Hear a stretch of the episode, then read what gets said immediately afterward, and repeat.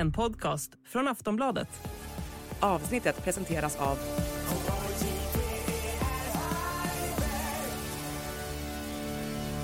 Stödlinjen.se, åldersgräns 18 år. Hej och välkommen till Höjd beredskap, en podd från Aftonbladet Ledare. Idag om påverkansoperationer efter koranbränningen i Stockholm som har stoppat den svenska NATO-ansökan, i alla fall tillfälligt. Välkommen! Vår beredskap är god.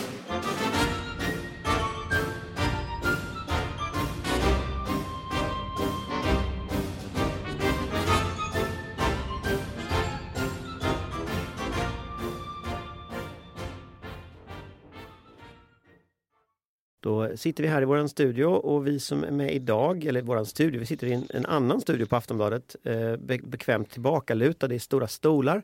Och vi som är här idag det är jag, Anders Lindberg, det är Johan Viktorin och det är Patrik Oksanen här i rummet. Och sen är det Amanda Wåhlstad på, på länk från eh, Skåne.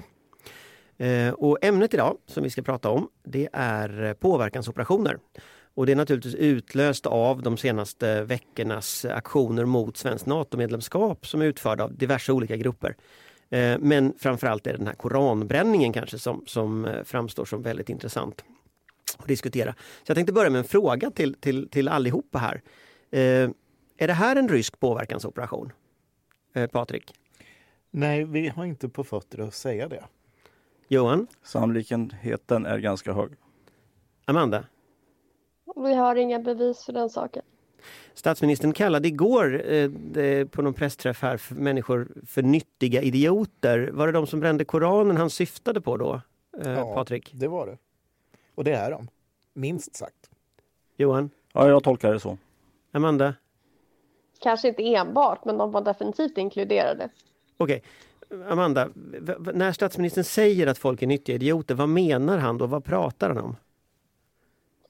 Att människor inte nödvändigtvis för egen monetär eller så gagn, eh, men ändå Att de får pengar alltså lån- betyder det där. Ja, precis. De behöver inte få pengar, de behöver inte få några egentliga fördelar av det. Så det är ingen eh, liksom agent eh, eller klientsituation utan man lånar sig till andra krafter genom att eh, gå på ett narrativ helt enkelt. Man, man agerar eller uttalar sig på ett sådant sätt att man spelar en annan kraft i händerna och i det här fallet påverkar rikets säkerhet eh, negativt. Vet nyttiga, idioter, vet, vet nyttiga idioter alltid om att de är nyttiga idioter? Nej. Och det där tillskrivs ju Lenin från början. Det, det begreppet. Koranbränningen? Nej. Nej, nyttig idiot. Men om vi går vidare med Jag just... tyck, Ja. Ehm, Nej, jag tycker väl snarare att det finns en hel del som tyder på i det här fallet, eh, om de nu inte har några kopplingar, vilket vi som sagt inte vet någonting om, att eh, man kanske blev lite chockerad av utfallet och reaktionerna, vilket ju kan tyda på att man inte insåg vilka konsekvenser handlingarna skulle få, eller åtminstone inte de fulla konsekvenserna, och därmed inte heller att man är en nyttig idiot.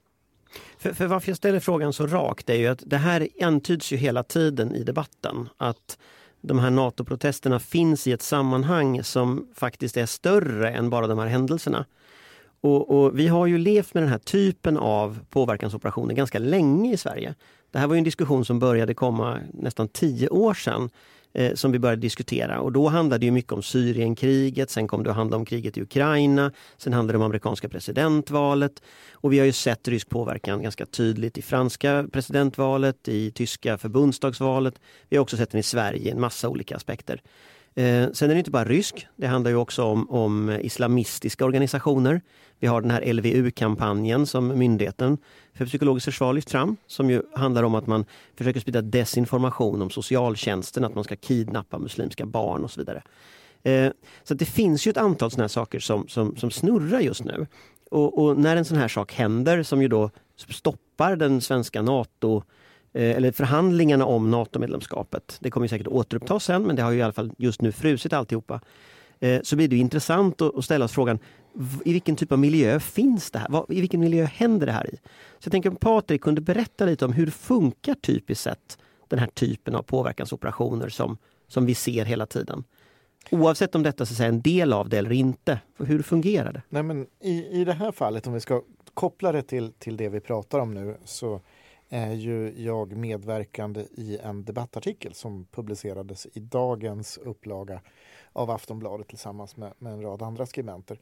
Där vi tar upp och pekar på några av de här sakerna. Och det är ju ingen, känns ju inte som att det är en slump att det här uppstår i en miljö som på olika sätt har under lång tid uttryckt sig och varit prorysk i sin berättelse, i sina narrativ. Och i vissa av de här fallen så är ju kopplingen mer uppenbar än, än, än, i, eh, än, än vad man kan säga om, om själva Rasmus Paludan. Eh, och det är ju till exempel då att i det här skeendet så är det en reporter som är inblandad i det som kommer från Nya Tider-gruppen. Han jobbar på, då, på Exakt 24. Och I Nya Tider-gruppen så har du en rad olika händelser som, som kopplar den mediegruppen, den alternativa mediegruppen till Ryssland. Det har handlat om valobservatörsuppdrag, till och med på illegalt ockuperade Krim. Eh, det dyker upp i deras spalter eh, då skribenter som är kopplade till, eh, till Ryssland på olika sätt. Och eh, dessutom så ägarna, grundarna till, till den gruppen eh, träffar också återkommande, har gjort det under, under, under flera år, eh, Alexander Dugin, den högerextreme ideologen som knyter ihop europeisk högerextremism med Ryssland. Och eh, det här gör ju då att, att det här uppstår utan att vi kan med säkerhet säga att det finns en direkt så att säga order eller marschorder från, från Görvelsgatan att, att göra på det här sättet. Men vi kan i alla fall se att det här uppstår i en sån miljö som är nära Ryssland på olika sätt och som är emot Nato och som har ett intresse av att elda på motsättningar med den muslimska minoritetsbefolkningen. Men, men för det här gör du en, en, en viktig distinktion. Alltså när du pratar om Görvelsgatan nu så pratar du inte om DN utan du pratar ju om ryska ambassaden. Jag pratar inte om Expressen och DN så. utan ryska ambassaden. Det är helt korrekt. detalj i sammanhanget. Men, men jag tänker på att det är en viktig distinktion det här att, att den här typen av påverkan är inte nödvändigtvis så att den är styrd. Utan det finns narrativ som snurrar runt i vissa miljöer och att dessa miljöer är ihopkopplade med varandra över gränser Eh, också via internet, väldigt tydligt kopplade till såna här trollfabriker. Och att det, det finns liksom en, en slags, eh, det är inte ledarlöst på det sättet men, men det är inte sy systematiskt som man tänker liksom, eh, en, en, att det sitter någon någonstans och bestämmer att nu ska ni göra det där. Men däremot så gör man det förståeligt att det här uppskattas och sen så snurrar de här narrativen. Och, och sitt där, eget liv. Så och där kan den ryska informationsapparaten så att säga elda på på olika sätt i sina egna kanaler eller använda sina digitala resurser för att ge spridning för de här berättelserna. Det är vad vi kan säga utifrån öppna källor. Sen finns det ju liksom historiska exempel på hur Ryssland, Sovjetunionen har agerat för att skapa sådana här händelser med en direkt avsändare. Men det har vi inte på fötter att säga just här och nu. Eller jag har inte det i alla fall. Men om vi tar Johan, du var ju med i en debatt i, i veckan i P1, eller en debatt var det inte, du var expert i, i, i P1 och förklarade lite hur, hur man ska se på de här frågorna. Och det som var omedelbara orsaken till att du var där var att man hade intervjuat den personen som betalade demonstrationstillståndet för eh, Rasmus Paludan att bränna Koranen, eh, Chang Frick. Eh, det här P1, hur resonerade du där? Kan du berätta lite? Nej, men det var ju ingången att eh, landa i svaret att det var ganska stor sannolikhet att man var inblandad i just det här som var NATO-anknutet eh, uppsåt eller anti-NATO upp, eh, knutet uppsåt. För då gick jag igenom bedömningsgrunderna, det vill säga att man har en avsikt att motverka vårt inträde i NATO. Eh, man har en kapacitet och det är, jag tog några exempel där i studion på historiska operationer både under kalla kriget från Moskvas sida och eh, med Black Lives Matter eh, som ett exempel och där man då egentligen försöker styra eh, bägge spektrarna eh, i politiska rummet. Eh, och sen så titta på tillfället då, eh, det vill säga att det finns en spänning mellan Sverige och Turkiet i det här fallet som man då kan använda sig av. så, men där stannar vi ju då i själva den diskussionen. Men om du fortsätter det resonemanget Vad, vad är din tolkning av det som har hänt? Nej, alltså, om man skulle sitta och titta på det här, liksom, eh, följa det här dagligdags eh, och titta Nu pratar på... du som underrättelseanalytiker. Ja, precis, exakt. Då skulle man ju titta på de aktörerna som, som finns med här och då, då noterar man ju då Jean Frick, det var ju därför han var intervjuad bland annat. Och eh, då lägger man ju upp exempelvis att han har jobbat då frilans för Russia Today, RT, som är en del av Kremls propaganda. Alltså ett, egentligen ett instrument i Rysslands informationskrigföring. Eh, han har eh, låtit sig intervjuas i rysk stat, statligt kontrollerad tv om och egentligen vouchat ryska val. Han har efterlyst ryska valobservatörer i Sverige. Samma kanal. Sen hade han ju i den här intervjun var väldigt spännande för han hade ju aldrig träffat någon eh, rysk underrättelseperson. Eller företrädare för ryska staten. Eller företrädare för ryska staten. Um, och uh, i uh, 2018 så skrev han ju en artikel som handlade om Akilov och där använde han sig av uh, vad han då påstod var fotografier tagna på datorer, alltså dataskärmar inne i den ryska underrättelsetjänsten. Och så vitt jag kan bedöma det så får man bara tillträde om man jobbar där. Så då har han ju haft en källa i så fall som jobbar i den ryska underrättelsetjänsten.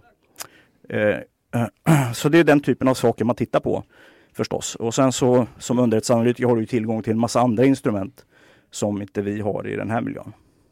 Men om man tittar på liksom den här händelsen, när jag tittar på den utifrån liksom bara eh, min kunskap om den högerextrema nätsfären så skulle jag säga att det är en typisk sån sak de gör. Alltså det, det är typiskt för dem. Jag vet att eh, Jean Frick själv hade väl någon, någon halvår tidigare, tror jag det var, skojat på sociala medier om, tänk om någon brände en, en eh, koran framför den turkiska ambassaden till exempel. Eh, skojat då i någon mening och sen händer detta. Eh, och sen så är det ingen ansvarig för det. Och jag såg att det var någon, det var Viktor Bart Kron som konstaterade att, att de som jobbar åt SDs medier har ingenting med SDs medier att göra och SDs medier som SD driver har inget med SDs medier att göra. Eh, ingen har något med något att göra, alla är liksom, ingen är ansvarig. Och det har ju säkert att göra med den här reaktionen som blev. Men faktum är att den här sfären har ju under ganska lång tid drivit diverse ryska narrativ. Eh, både de här medierna, SD-företrädare, de två senaste SD-personerna i försvarsutskottet och försvarsberedningen har båda slutat i SD på grund av att de var proryska och hamnat i Alternativ för Sverige som är ett proryskt parti. Eh, så, så det finns ju en jättelik förhistoria just kopplat till ryska alternativmedia. Och när jag tittar på det då, då skulle jag säga att jag skulle sätta ett frågetecken vid sidan om det finns en skillnad mellan rysk alternativ, eller rysk, förlåt, SDs alternativmedia och SD. Alltså SD är sina alternativmedier. De växte fram i en, en symbios. Och tittar man på sådana här avslöjanden som när Expressen till exempel har granskat vilka som skrev i kommentarsfälten i de här eh, sajterna. Ja, då var det ju SD-politiker. Det var ju många personer som hade skrivit väldigt mycket saker. Eh, och det är ju väldigt ofta där också som de här personerna ofta åker dit för att de har skrivit någonting i de här. Aftonbladet har avslöjat att det fanns direkta kopplingar till det redaktionella innehållet från SD-politiker historiskt till de här sajterna. Eh, och, och, där vet man ju inte hur det är idag naturligtvis. Ja, men, men, så har det ju sett ut. Samnytt drivs ju av eh, SDs regionråd i Dalarna, tidigare riksdagsledamot Kent Ekeroth. Ja, han var ju också en av dem som har varit i de här tidigare granskningarna, flera av dem, och granskats många gånger och så och diskuterats eh, för ganska eh, mycket uttalanden. Men det här är ju inte något nytt. Varför liksom... För jag kan tänka så här, om det nu är så här, eh, och det här vet alla om SDs alternativ medier, alla vet detta om de här kontakterna som finns. Hur kan man släppa in den här typen av krafter i den här processen på det sättet? För om jag var Turkiet och tittade på detta och så såg jag det här regeringsunderlaget som vi har nu, där SD ingår. Och så såg jag det här hända så nära SD. Det blir väldigt svårt att förklara för Turkiet att detta inte har något med regeringen att göra och att detta inte har något med Sverige att göra. Och jag tyckte statsministern gjorde det bra igår. Han satte ner foten verkligen. Det här har liksom inget med Sverige att göra. Men har vi inte lite, eller ja, Sverige inte trasslat till detta i onödan? Det är svårt att komma i efterhand och försöka ställa bild till rätta för det är bilder vi pratar om så att det finns ju då en perception att det är på det här sättet, att det ligger nära regeringen ifrån från Turkiets horisont. Då. Eh, dels det du säger, själva eh, handlingen som sådan. Men sen har du ju liksom bildsättningen med poliser som står och skyddar den här eh, grundlagsuttrycket eh, egentligen då. Eh, det blir också en bild och väcker då känslor så man liksom kommer ju innanför hela förnuftsprocessen egentligen. Och då är det ju spännande i sammanhanget, apropå det vi pratade om tidigare då, att det var just Jean Frick som betalade demonstrationstillståndet till någon som har gjort sig känd för att provocera genom att bränna koraner. Eh, och som dessutom som dansk medborgare blev stoppad att resa in i landet fast han var en EU-medborgare. Så det blir ju väldigt, liksom det blir en... Förra gången ja. Förra gången ja. ja innan, han, innan han blev svensk medborgare. Precis, innan det upptäcktes att han faktiskt också var Men svensk medborgare. Men vi ska ju också komma ihåg att Turkiet har ju ett intresse av att tolka det här på värsta möjliga sätt också. Man hade ju också kunnat ta inställningen att ja men nu är svensk lagstiftning så här och folk är idioter det är ju en möjlighet. Man har ju ett intresse av att sätta narrativet att kunna bli så förfärad och upprörd som möjligt.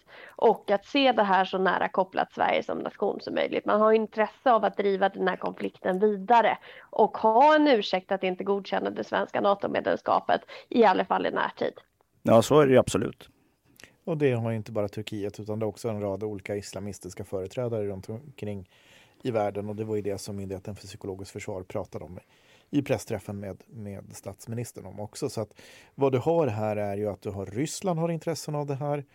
Du har så att säga SDs alternativmedier som har intresse av det här och då indirekt eller direkt beroende på om man vill vara Åkesson eller inte. SD intresse i det där. Eh, och sedan har Erdogan intresse av det och en rad olika islamistiska företrädare eh, på olika ställen i den muslimska världen har det också. Och det här blir ju då en ganska mycket en perfekt storm. Men, men om man är emot Nato och så vill man argumentera mot Nato, får man inte det då? Jo. Klart du får Patrik? det. Klart du får det. Ja, och hur, hur kan man göra det då i den här podden? Vad sa du? Det har ju du gjort många jag gånger. Jag vet att jag har gjort det. Men, jag, jag, tänker bara liksom, för jag menar, det, det, är naturligtvis, det måste man väl få göra? Ja. Men här står statsministern det... och säger att det får man inte göra. Nej, det säger han inte. Amanda?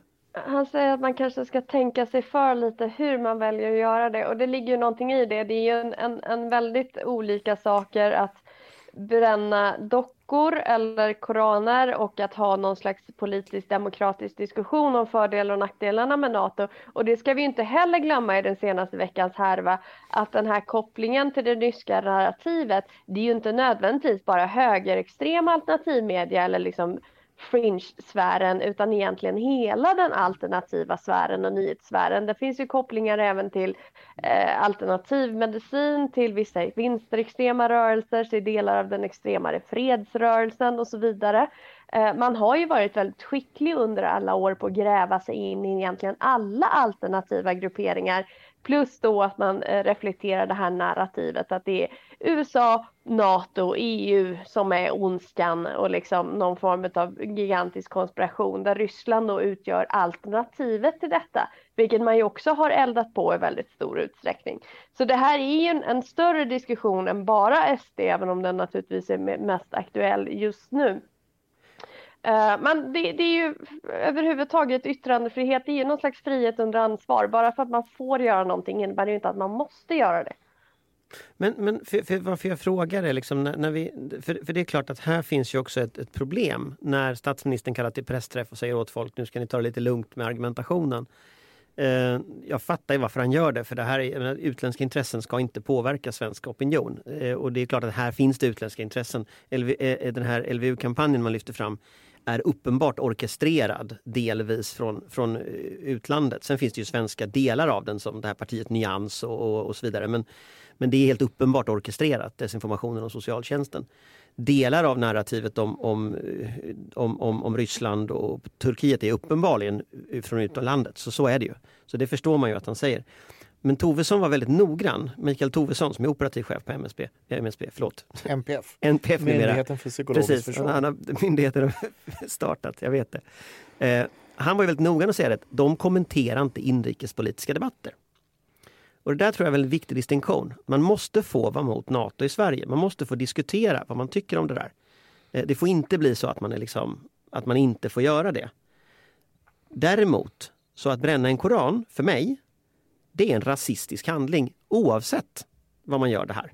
Det spelar ingen roll om det var syftet att stoppa NATO-processen eller syftet var att få kravaller i påskas. Det är någonting som man måste kunna kritisera. Eh, och som jag måste kunna kritisera. Jag har alltid varit emot att bränna Koraner. Liksom. Eh, men det har blivit någon så skruvad jävla yttrandefrihetsdebatt. Där jag får inte säga det för då blir jag anklagad för att försöka tysta folk.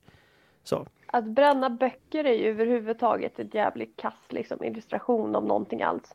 Det är sällan människor man vill liksom, jobba med som bränner böcker. Eh, men sen så är det ju också just det här att, att vi måste ju skilja på rättigheter och friheter, alltså att du har rätt att göra någonting innebär inte att du har rätt att inte bli kritiserad för det. Och det är det många av de här människorna någonstans inte riktigt förstår. Ja, du har rätt att göra en sak, men vi andra har rätt att tycka att du är dum i huvudet för att du gör det. Och tala om det för dig. Du har rätt att inte bli censurerad av staten. Men det innebär inte att du har rätt att lägga ut texten i vilken publikation eller tv-program som helst. Det är ju den här debatten vi lite saknar. Att folk tror någonstans att de har rätt att göra sin åsikt hörd oemotsagda i alla sammanhang hela tiden. Därför annars får de sin yttrandefrihet kringskuren. Och det är ju inte samma sak. Nej, och där slår Amanda huvudet på spiken. Eh, och visst är det väldigt mycket så. Men jag vill koppla tillbaka det här med koranbränningar och berättelser och, och aktörer så, så ligger du till exempel på, på SD Riks som är en del av SDs kommunikationsavdelning men som Åkesson gärna försöker få det att framstå som ett vilket mediebolag som helst, precis som en nyhetsredaktion. Eh, men, men så är det ju inte.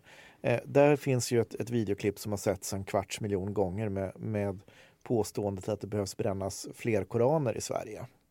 Eh, och det lades ut eh, i samband då med påskkravallerna efter dem då. Eh, när Rasmus Paludan var i Sverige förra gången. Och det är klart att SD är en del av den här miljön där man så att säga skapar den här bilden av att sann yttrandefrihet det har vi bara om man får bränna koraner utan att någon reagerar. Fast egentligen så vill de ju ha en massa reaktioner för att de vill ha polariseringen. Men, men där, en, en, fråga, det kanske låter som en dum fråga men, men eh, Martin Schultz, Mårten Schultz, förlåt, eh, rättskrönikör på Svenska Dagbladet. Han eh, skrev en text för någon dag sedan här där han reflekterade över det här med gränserna för yttrandefriheten. Eh, att, under det här finns liksom frågan, är det verkligen självklart att det ska vara tillåtet att bränna Koranen? I Finland är det inte tillåtet. Och jag vill minnas att vi hade en sån här diskussion 2018-2019 Eh, skulle det verkligen vara tillåtet för nazister att demonstrera i, eh, i Almedalen, eh, på gator och torg, trots att det är uppenbart att nazister är ju hets mot folkgrupp. Det är liksom själva idén med hets mot folkgrupp-paragrafen var att nazism var en ganska dålig idé och att man inte skulle utrota fler människor. Man, det var ju liksom en erfarenhet från andra världskriget. Eh, ändå så har vi uniformerade nazister som marscherar på gatorna. Och jag och många andra då argumenterade för att ja, men då kanske vi måste ändra lagen om hets mot folkgrupp så att nazisterna inte ska demonstrera framför en synagoga till exempel. Eller, eller så. Eh, och det möttes av väldigt stark kritik, den synpunkten. Morten Schultz tar ju upp samma fråga kring det här. Eh, är det hets mot folkgrupp att bränna Koranen? Ska, är det självklart att det är tillåtet? Ja, i, i Finland så intervjuade man ju en överkommissarie Snellman, tror jag han hette, som sa att det var hets mot folkgrupp i Finland, skulle bedömas som det, eller eh, brott mot trosfriheten. Men jag tänker på en annan sak här. Det finns ju faktiskt möjligheter i vår grundlag att eh, begränsa yttrandefriheten i andra kapitel 23 paragrafen. Nu tror jag nog att lagstiftarna tänkte sig att det var under höjd beredskap som man då kan inskränka yttrandefriheten och informationsfriheten. Eh, men det här beskrivs ju som det allvarligaste läget sedan andra världskriget säkerhetsmässigt. Eh, och den skulle ju kunna göras på det sättet att man anvisar en annan plats. Det vill säga att man tar in parametern rikets säkerhet när man gör den här typen av bedömningar. Man får eh, bränna den eh, på, på parkering, parkeringsplats Exakt. i Botkyrka. För, för egentligen så är det ju ungefär, jag, jag ser framför mig ungefär att det här är som en som när man gör en majbrasa. Det vill säga man behöver tre komponenter. Man behöver brännbart material, man behöver syre och man behöver värme för att gå i land med en bra brasa. Och då har vi brännbart material, det är ju själva handlingen då, att bränna en koran eller en bibel. Sen har man då syret, det är egentligen att man släpper till platsen med symboliken då framför ambassaden. Man ger alltså det tillståndet. Och sen är det då värmen är ju eh, med, medierna. Medier, Medier, både till detta, för tittar man på det här objektivt så pratar vi om en person som ska bränna en koran som har den här historiken med att provocera och som representerar politisk kraft på 85 personer i Danmark. Alltså det måste man liksom ställa sig frågan, är det egentligen rimligt att bevaka en sån här sak? Eller blir man inte en del i det här då? Den typen av diskussion skulle jag vilja se faktiskt. Det är klart man blir Det mediala som Johan tar upp tror jag är jätteviktigt, men jag tror inte heller att man behöver gå så långt till att liksom egentligen diskutera ett inskränkande av yttrandefriheten för rikets säkerhet och så vidare. Det finns ju de facto möjlighet betydligt längre ner i lagstiftningsskalan att eh, flytta på demonstrationer, att välja att inte ge tillstånd på platser och tidpunkter som för bland annat den allmänna ordningens skull anses vara problematiska. Och här skulle polisen faktiskt kunna vara betydligt mer proaktiv oavsett om det gäller demonstrationer utanför synagogor på, på Jom Kippur eller om det gäller koranbränningar utanför turkiska ambassaden.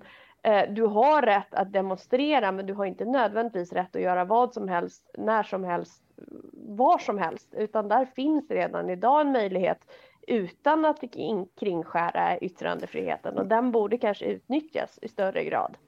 Men, men utifrån polisens polisen gjorde ju rätt utifrån sin egen bedömning. Det blev inga kravaller, alltså det blev inte brott mot ordningen på den här platsen. Och då menar jag att då kanske man måste tillföra en annan parameter.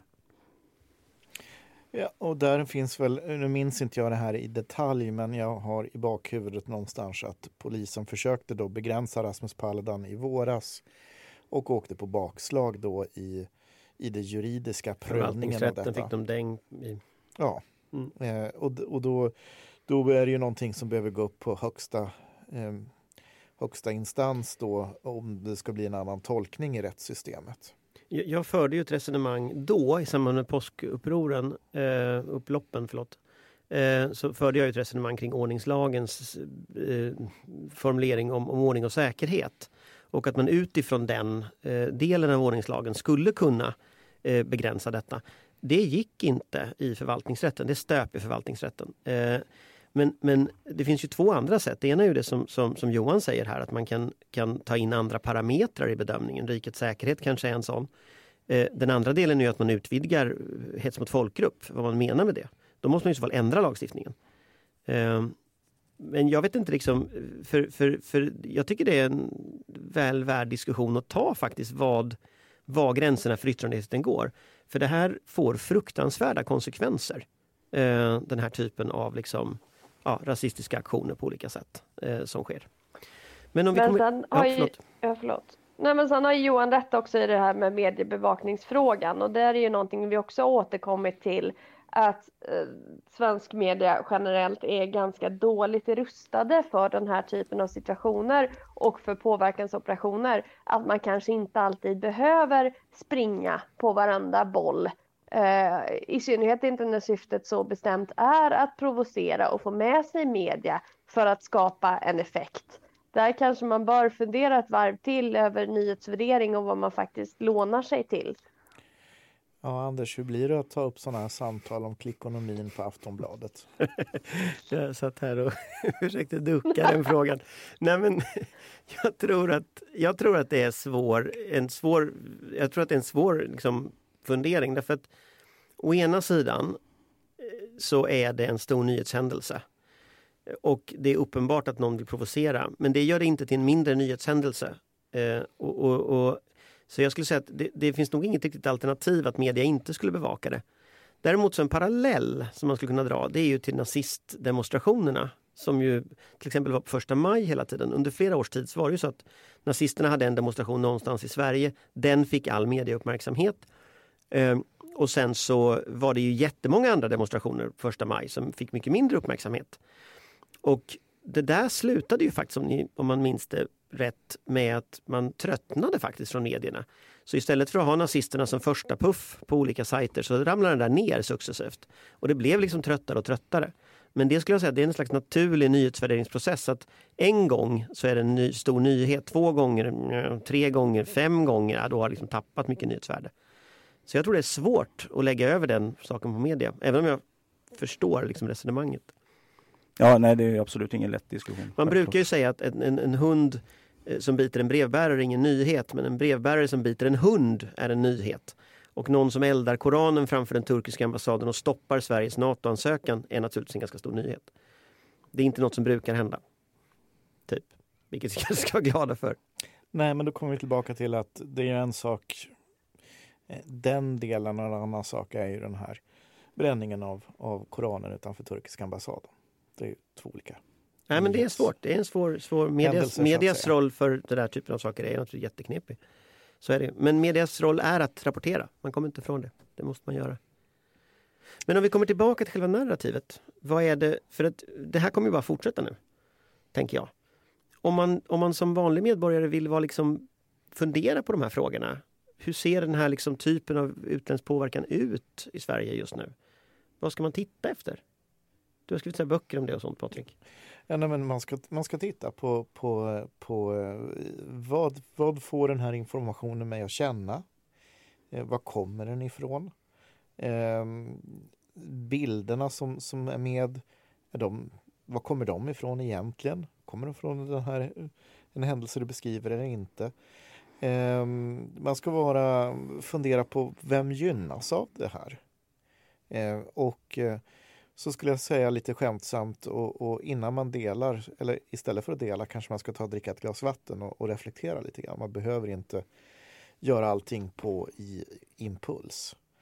Eh, så det är liksom det skulle jag beskriva det som att hålla huvudet lite kallt, titta sig om lite bredare, lite vidare och vara medveten om det här. Och det var ju också det budskap som, som Mikael Tovesson på MPF hade igår när han liksom la rekommendationer där. Så det finns också en del instruktionsvideor och, och pedagogiska videor att titta på på MPFs hemsida också. Är det, är det några särskilda narrativ man ska vara vaksam mot? Ja, men det som framförallt eh, man ska vara vaksam mot och, och, och ta det lite iskallt att dra för snabba slutsatser av eh, utspel som görs just nu. Eh, vi ska komma ihåg att Erdogan till exempel när han gör utspel, han har ju framförallt den turkiska inrikespolitiken. Han leder ett land vars ekonomi eh, är åt käpprätt. Jättehög inflation, stora problem. Han vill sitta kvar. Han har presidentval som han har utlyst. Och här har han fått en, en perfekt fråga att, att då mobilisera eh, olika krafter, både religiösa krafter och nationalistiska krafter och känslor eh, runt sin person för att framstå som att han är eh, liksom alla turkars faders gestalt som man kan lita på i en orolig omvärld där de hedniska svenskarna bränner koraner och, och, och så vidare. och så vidare. Eh, Man ska vara medveten om det. Man ska vara medveten om att Ryssland har ett intresse och spelar då på båda sidor av den här konflikten. Vi ska ju komma ihåg också att Kadyrov i Tjetjenien, den, den tjetjenske ledaren som, som är då eh, i, i, i Putins eh, hägn så att säga. Det är ju, Tjetjenien är ju, är ju en rysk delrepublik. Eh, han har ju varit ute och rasat mot det här. Eh, och, och samtidigt så, så sker det ju i den här händelsen i en miljö som är prorysk. Så att man ser väldigt tydligt liksom att det finns på båda sidor. Sen om man vill roa sig för att förstå de här sakerna bättre och, och vad, vad som kan liksom finnas inblandat, då det, går man tillbaka till historien som Johan var inne i, i, i den här P1 eh, intervjun eh, och då beskrev du bland annat händelser vid judiska kyrkogårdar i, i Tyskland på, på var det 60-talet eller 50-talet? Ja, det var nog slutet 50, början av 60, för sex, framförallt 60-talet. Eh, och, och det är liksom i historien vi också kan se paralleller. Vi har en, en annan händelse i Tyskland som fick jättestor effekt eh, för hela Europa och även för Sverige. Och det var ju den tyske studenten Benno Ohnesorg, hette han va? Eller, Mm. eh, som blev skjuten brutalt på 60-talet, avrättad på gatan av en tysk polis i Västtyskland. Då. Kuras. Mm. Eh, och det där ledde ju till hela studentrevolution i Tyskland och det ledde till Rote Armee-fraktionen och då har vi ju det som har kopplingar till RAF som händer sen i Sverige på 70-talet och så lever det där sitt eget liv. Eh, och det är först efter murens fall som det kommer fram att den här tyske polisen han eh, är ju då inte västtysk polis. Det här framas ju i berättelsen då som att det här är liksom nazistisk eh, stat och, och mordisk och sådär. Det visar sig i själva verket att han jobbar för Östtyskland. DDR. Han är Stasi. Och det är alltså en provokation som sker. Och sen lever sen sitt eget liv. Jag tänkte på det här eh, med som eh, jag viftade lite grann här eftersom eh, Patrik tog upp Erdogan och inrikespolitiken och sånt. Jag kommer tillbaks till mitt 2024 då. För även om det nu är så då, egentligen alldeles oavsett hur det går i det turkiska valet, så menar jag att man har bundit upp sig lite för hårt här nu. Man har piskat upp sin politiska bas så hårt. Så man kan inte komma tillbaks dagen efter valet innan Vilnius och säga jag bara skoj, det var inte så allvarligt det här med koranbränning utan nu ska vi släppa in Sverige i NATO. Utan det kommer ta tid och han, Erdogan kommer ju tvinga in sina politiska motståndare att erkänna färg i valrörelsen i den här frågan. Så man kommer binda fast även dem. De kommer inte kunna stå och säga i tv att vi tycker att det här är okej. Okay. Men, men, men MHP som ju är allierat med Erdogan har ju redan varit ute och varit ännu hårdare mm. än Erdogan. Mm. Och vi vet att vissa av aktionerna i Turkiet mot Sverige har ägt rum från grupper som egentligen är emot att Turkiet är med i Nato. Mm, också. Absolut. Så det är fler som spelar det här spelet just nu. Absolut. Så vad tror du kommer att ske då? Nej, jag tror att det måste kylas av och det måste gå lite tid och därför landar jag då i 2024 att det kommer ta ett år till eh, innan man kan lätta på det. Sen är den andra faktorn är hur går det i Ukraina? Eh, därför att eh, här finns det ju liksom Ryssland och Turkiet har ju liksom delvis gemensamma intressen och här eh, om, om, Ukraina lyckas så att säga besegra Ryssland militärt i Ukraina då kommer det liksom öppna sig en helt ny värld med de risker det medför på olika sätt eh, och fördelar. Eh, och då, men då kommer eh, Erdogan enligt min bedömning vara tvungen att backa ner det här. Därför då har han inte det här incitamentet för han blir ju väldigt värdefull för Ryssland i det här skedet eh, som en slags eh, trojansk häst egentligen då i Nato. Men det får du förklara lite. Hur, hur, alltså, på, alltså, alltså, när du säger att han är, en, han är värdefull i det här skedet, han är väl värdefull i alla skeden. Han kontrollerar Bosporen, han kontrollerar öppningen till Svarta havet. Ja fast nu är ju vapensystemen lite mer utvecklade än vad när man skrev Montreux-konventionen. Så att eh, man kan nog kontrollera Bosporen på andra sätt än bara vara där fysiskt faktiskt i framtiden. Så att eh, det, den betydelsen tror jag faktiskt tonas ner lite. Okej, fortsätt då. Jag, jag vill lägga till ja. en tredje faktor och det är Ungern. Ungern har inte heller skrivit på. Nej. Mm. Men, men om, du, om du resonerar utifrån Turkiets fortsättning. För, för, när jag tittar på Turkiet så ser jag ett strategiskt extremt viktigt land för Nato. Absolut. Därför att det är, det är det som stoppar också, det är också gränsen mot Mellanöstern som ju inte är en helt lugn region. Så, att, så Nato behöver Turkiet ja. eh, väldigt, väldigt mycket. Turkiet är värdefullt. Turkiet är värdefullt för Nato. Så, menar, det, det, man, kommer in, man kommer heller inte från Nato att kunna köra över Turkiet. Jag ser i en svensk debatt att folk pratar om att, att man kan slänga ut Turkiet. Sånt där. Det är ju fullkomligt nonsens. Liksom. Eh, dels att man inte kan, men dels också för att Turkiet strategiskt är helt avgörande för att mm. kunna dra liksom en gräns mellan Europa och Mellanöstern. Eh, och Irak och hela liksom alla mm. konflikter som finns och Syrien och så. Eh, men hur ser du utvecklingen över tid där? Alltså när du säger att Erdogan backar ner? Alltså... Ja, det är ju under förutsättning att Ryssland får stryk i Ukraina. Blir besegrade militärt i Ukraina.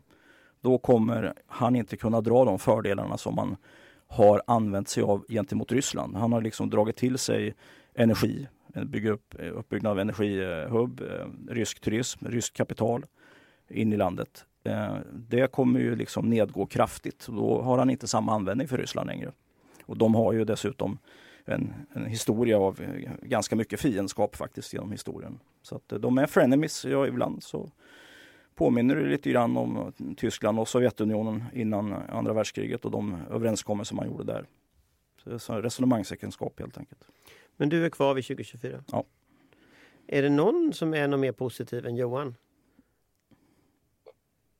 Tyskland. Jag är nog lite mer positiv fortfarande. Eh, jag säger inte nödvändigtvis att Johan har fel. Jag säger att det kan finnas öppningar tidigare än så. Jag tror inte vi ska glömma NATO eller de övriga NATO-länderna som dimension i detta. För att detta är ju på väg att utveckla sig till någonting väldigt pinsamt. Eh, även för NATO som organisation och eh, ger även risker. Jag menar, om, det, om det funkar så här med open door policyn, liksom, hur ska man då fortsätta som organisation? Så att eh, jag tror att det kan finnas viss öppning för att eh, andra kommer in och eh, har åsikter och möjligheter att påverka eh, lite tidigare än så. Jag tror att för svensk vidkommande så, så är det fokus på memorandumet som vissa anser att vi redan har uppfyllt. Andra säger att det är en liten bit kvar. Men jag tror att vi ska hålla oss väldigt, väldigt strikt till det och inte springa på Erdogans olika utspel. Vi ska vara torra, byråkratiska och sakinriktade. Och så ska vi låta övriga Nato ta hand om den här frågan. Ehm, därför att det, vi kan inte avgöra den och vi kan inte hålla på och förhandla med Turkiet om vår lagstiftning i, i, i, i Sverige. Det funkar inte så. Ehm, det eh, blir en fråga för, för andra NATO-länder att, att lösa ut med piska såväl som morot. Jag tror att det är liksom där vi landar. Jag hade ju upp en sak där i Petmorgon också. Det är ju vad då de olika underrättelseorganen gör både i Sverige och, och utomlands. Och att hitta en, ett, liksom ett samband mellan eh, Ryssland och koranbränningarna som håller så att säga det man brukar säga i eh, civilt vardagligt att det är polisiärt uppklarat. Att det underrättelsemässigt är uppklarat. Så att de stora statsledarna kan bli briefade och se sånt material. För om man då skulle köra den här lite mer publika metoden som USA och Storbritannien, framförallt Nederländerna har ägnat sig åt med att man liksom lagt ut saker och ting. Då skulle det vara väldigt svårt för en turkisk president, oavsett vem det är, att stå kvar med en sån linje. Om man skulle kunna visa att det här är liksom eh, initierat av eh, Kreml. Men, men, men vi gissade ju förut att det inte kanske var initierat men att det uppstår i en miljö som är prorysk. Eh, och, och, och, och, räcker det för att Turkiet ska förstå? Jag menar, räcker att Frick har betalt eh, demonstrationstillståndet och Jean Frick jobbar åt, åt eh, SDs mediekanal. Räcker det för Turkiet för Nej. att fatta? Nej, det räcker inte. Men det finns Men det är ju andra... antagligen det som har hänt. Så att... Det finns ju andra saker man får titta djupare på då. Ja, okej. Okay. Ja. Men det är ingenting som vi har någon aning om. Så att, så att, så att eh, Nej, men det är en viktig faktor att kunna förhålla sig till därför att det är sånt som vi inte ser men som kanske pågår att man sitter och tittar på den typen. Och då kan ju USA ha ett väldigt starkt intresse av att försöka blottlägga en sån länk. Och vi vet ju att USA och Storbritannien verkar ju ha penetrerat den ryska underrättelsetjänsten ganska ordentligt. Mm. Om, om man tittar på inrikespolitiken, Amanda, Eh, alltså, det här är ju en inrikespolitisk diskussion eh, som, som ju förs ganska mycket och eh, nu var ju statsministern ute väldigt hårt och kallade folk för nyttiga idioter som gjorde det här igår. Det är väldigt hårt att en statsminister gör det. Ändå verkar alla i princip hålla med honom. Så det är ett intressant liksom, läge som vi är i. Inga andra partier protesterade i alla fall mot det. Vad tror du kommer hända framöver nu inrikespolitiskt med detta? Ja, jag tror väl att man kommer fortsätta ungefär på den här linjen. Jag hoppas som, som Patrik säger att man förhåller sig lite svalare och inte nödvändigtvis går i svarsmål på allting som sker i turkisk media, för det tror jag är kontraproduktivt. Jag tror att vi måste att lämna större utrymme för att låta andra sköta det här åt oss och jag tror kanske att den insikten börjar komma. Sen så tror jag också att det kom, vi kommer se en rättning i leden, för som du säger, det var inga partier som protesterade. Och jag tror att även i alternativa kretsar, för det finns ju också en, en gruppering som inte nödvändigtvis är prorysk, men som tycker det är lite kul att provocera och jäklas och liksom bråka med etablissemanget och som, som kanske är den här alternativa världsbilden att liksom alla alternativ till, till NATO och USA och den liksom traditionella världsordningen är välkomna i sig. Där tror jag det fanns en, en chock och förvåning, kanske till och med till och med några av de som är involverade i den här aktionen, hur reaktionerna faktiskt blev. Att där har man haft ett väldigt stort stöd för den här typen av aktioner tidigare och det har varit väldigt mycket ryggdunkar och positiva uppmaningar och nu blir folk förbannade. Och det hade man nog inte rä riktigt räknat med så att jag tror vi kommer få se en skärpning i vissa grupperingar eh, där man inser att det här nog faktiskt är allvar nu och det är ingen som tycker det är roligt längre. Det låter lite som en studentspex som går överstyr liksom. Och så blev det jättejobbigt och nu blir de inkallade till rektorn. Och då var det inte kul längre det är nog lite den mentaliteten som finns hos många av de här, tror jag. Faktiskt. Jag, jag tror att man, man mest är ute och provocera och har ett eh, kraftigt eftersatt konsekvenstänk. Snyggt, en jag bra sammanfattning tycker jag av de senaste veckorna. Ett kraftigt eftersatt konsekvenstänk hos vissa aktörer. Eh, och tyvärr väldigt mycket konsekvenstänk hos andra är väl problemet. Ja, men jag tror att om vi håller på att likna dem med, med, med några busiga gymnasister som gör ett litet oskyldigt upptåg som går för långt och så blir man inkallad till rektorskansliet. Jag tror att det är ingen bra bild att, att måla upp för då, de är betydligt mer genomtänkta och metodiska. De har hållit på med det här i över ett decennium som, som företeelse. Jag kommer inte ihåg när politisk inkorrekt började som sen blev avpixlad som blev samnytt. 00-tal, Men, men, alltså men det finns en lång 2009 linje någonting sånt där är det. eh, utstuderad metodik så vidare. Så vidare. Så att, eh, jag, eh, jag vänder mig Amanda lite grann mot, mot att den, den bilden, den, den, det, det, det är ungefär som att man skulle avfärda Eh, eh, den, den kurdiska räven och andra gängkriminella som lite, lite, lite lättsamma brottslingar som har stulit en cykel.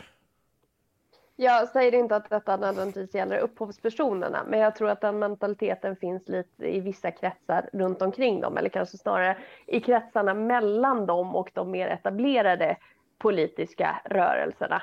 Ehm, alla är inte heller eh, supergenomtänkta. Ibland får man eh, vara lite försiktig också för att det, det finns inte alltid lika mycket plan bakom saker som man kan tänkas misstänka. Eh, och sanningen faller nog rätt ofta någonstans mitt emellan. Sen finns det aktörer i detta som är extremt genomtänkta, eh, men inte alla. Eh, jag tänker att eh, vi inte riktigt vet. Eh, riktigt. Eh, och att vi, vi kommer nog inte reda ut här eh, vem av er som har rätt. Eh, just den frågan. Men däremot vad jag tror om man ska titta på helheten så kan man väl se att den här typen av nätkommunikation den här lite halvnihilistiska som vi har sett kommer från USA i ganska mycket nätmiljöer, väldigt bilddrivet, alt-right-rörelse, alltså den typen av rörelser. De spelar väldigt mycket med det här. De spelar med ironi, de spelar med humor, de spelar med, med symboler och sånt. Och sen stormar de Kapitolium. Så att det finns hela tiden det här spelet mellan alla de här olika faktorerna. Eh, och det här kallas ju ibland för att det är postsanning, att ingenting längre är sant. Eh, det kallas ibland att det är liksom en ny nätmiljö som vi har sett som kommer från 4chan och 8chan och den här typen av högerextrema nätmiljöer som sammanfattas som blir väldigt prorysk överhuvudtaget på nätet. Det såg vi under Trump också. Eh, men jag tror att det finns på två plan. Att å ena sidan finns det här ironiska planet som saker och ting görs på. Å andra sidan finns det här ytterst strategiska verk, alltså ytterst statligt strategiska planet. Och de här sakerna samvarierar hela tiden. Och jag, det känns lite som att Sverige har fått en crash course i liksom, geopolitik eh, och vaknat upp från en, liksom, en lång vila. Och plötsligt får vi allting i ansiktet. Vi får Turkiet i ansiktet, vi får Paludan senast nu i ansiktet. Allting kommer på en gång. Och saker och ting som i våras kunde göras och inte få så stora konsekvenser får enorma konsekvenser nu. Eh, som de här koranbränningarna. Och här känner jag att politikerna inte har förstått att den nya miljön har kommit. Och jag anklagar SD i första hand för att inte ha förstått detta. Det är de som har satt Sverige i den här situationen nu. Men det är min, min personliga uppfattning och det är ingenting som står för er övriga i podden naturligtvis. Jag skulle säga att SD har nog förstått att de samspelar och lever i symbios med mediemiljön. Ja, det ja. Men jag tänker på... Jag, jag tror att folk inte förstod konsekvenserna riktigt. All, alla så säga, personer. Jag hade Jimmy Åkesson. Du, du menar att hissen åkte inte hela vägen upp? Jag tror att hissen åkte hela vägen upp och det var jätteroligt för de här ledande Sverigedemokraterna när det gäller att hacka på en minoritet i Sverige. Det har de mycket väl vetat vad de har gjort i alla tider. Det finns inga som helst tveksamheter. Men nu vill de ju också vara ett respektabelt parti och vara en del av ett regeringsunderlag. Och den, de två rollerna går inte ihop. SD måste bryta med den här miljön om de ska kunna vara inne i den där värmen. Annars kommer sådana här saker att hända fler och flera gånger. Det är liksom, så är det liksom. Det är så dynamiken Ja, ser ut. Och jag tror inte det de är fattat min det. bild också. Jag tror att det finns en genuin chock, inte hos alla, men hos en del som har befunnit sig i den här miljön över hur stora konsekvenserna blev den här gången och hur förbannade alla blev. Jag tror inte att alla hade räknat med det, ärligt talat. Då får vi hoppas att de skärper sig till nästa gång. Eh, är väl min stillsamma reflektion. Ska vi låta detta vara sista orden? Att alla måste skärpa sig, det är en bra avslutning på en podd. Tack så mycket för den här gången.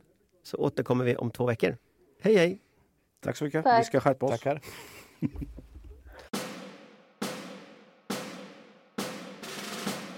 Vår beredskap är god.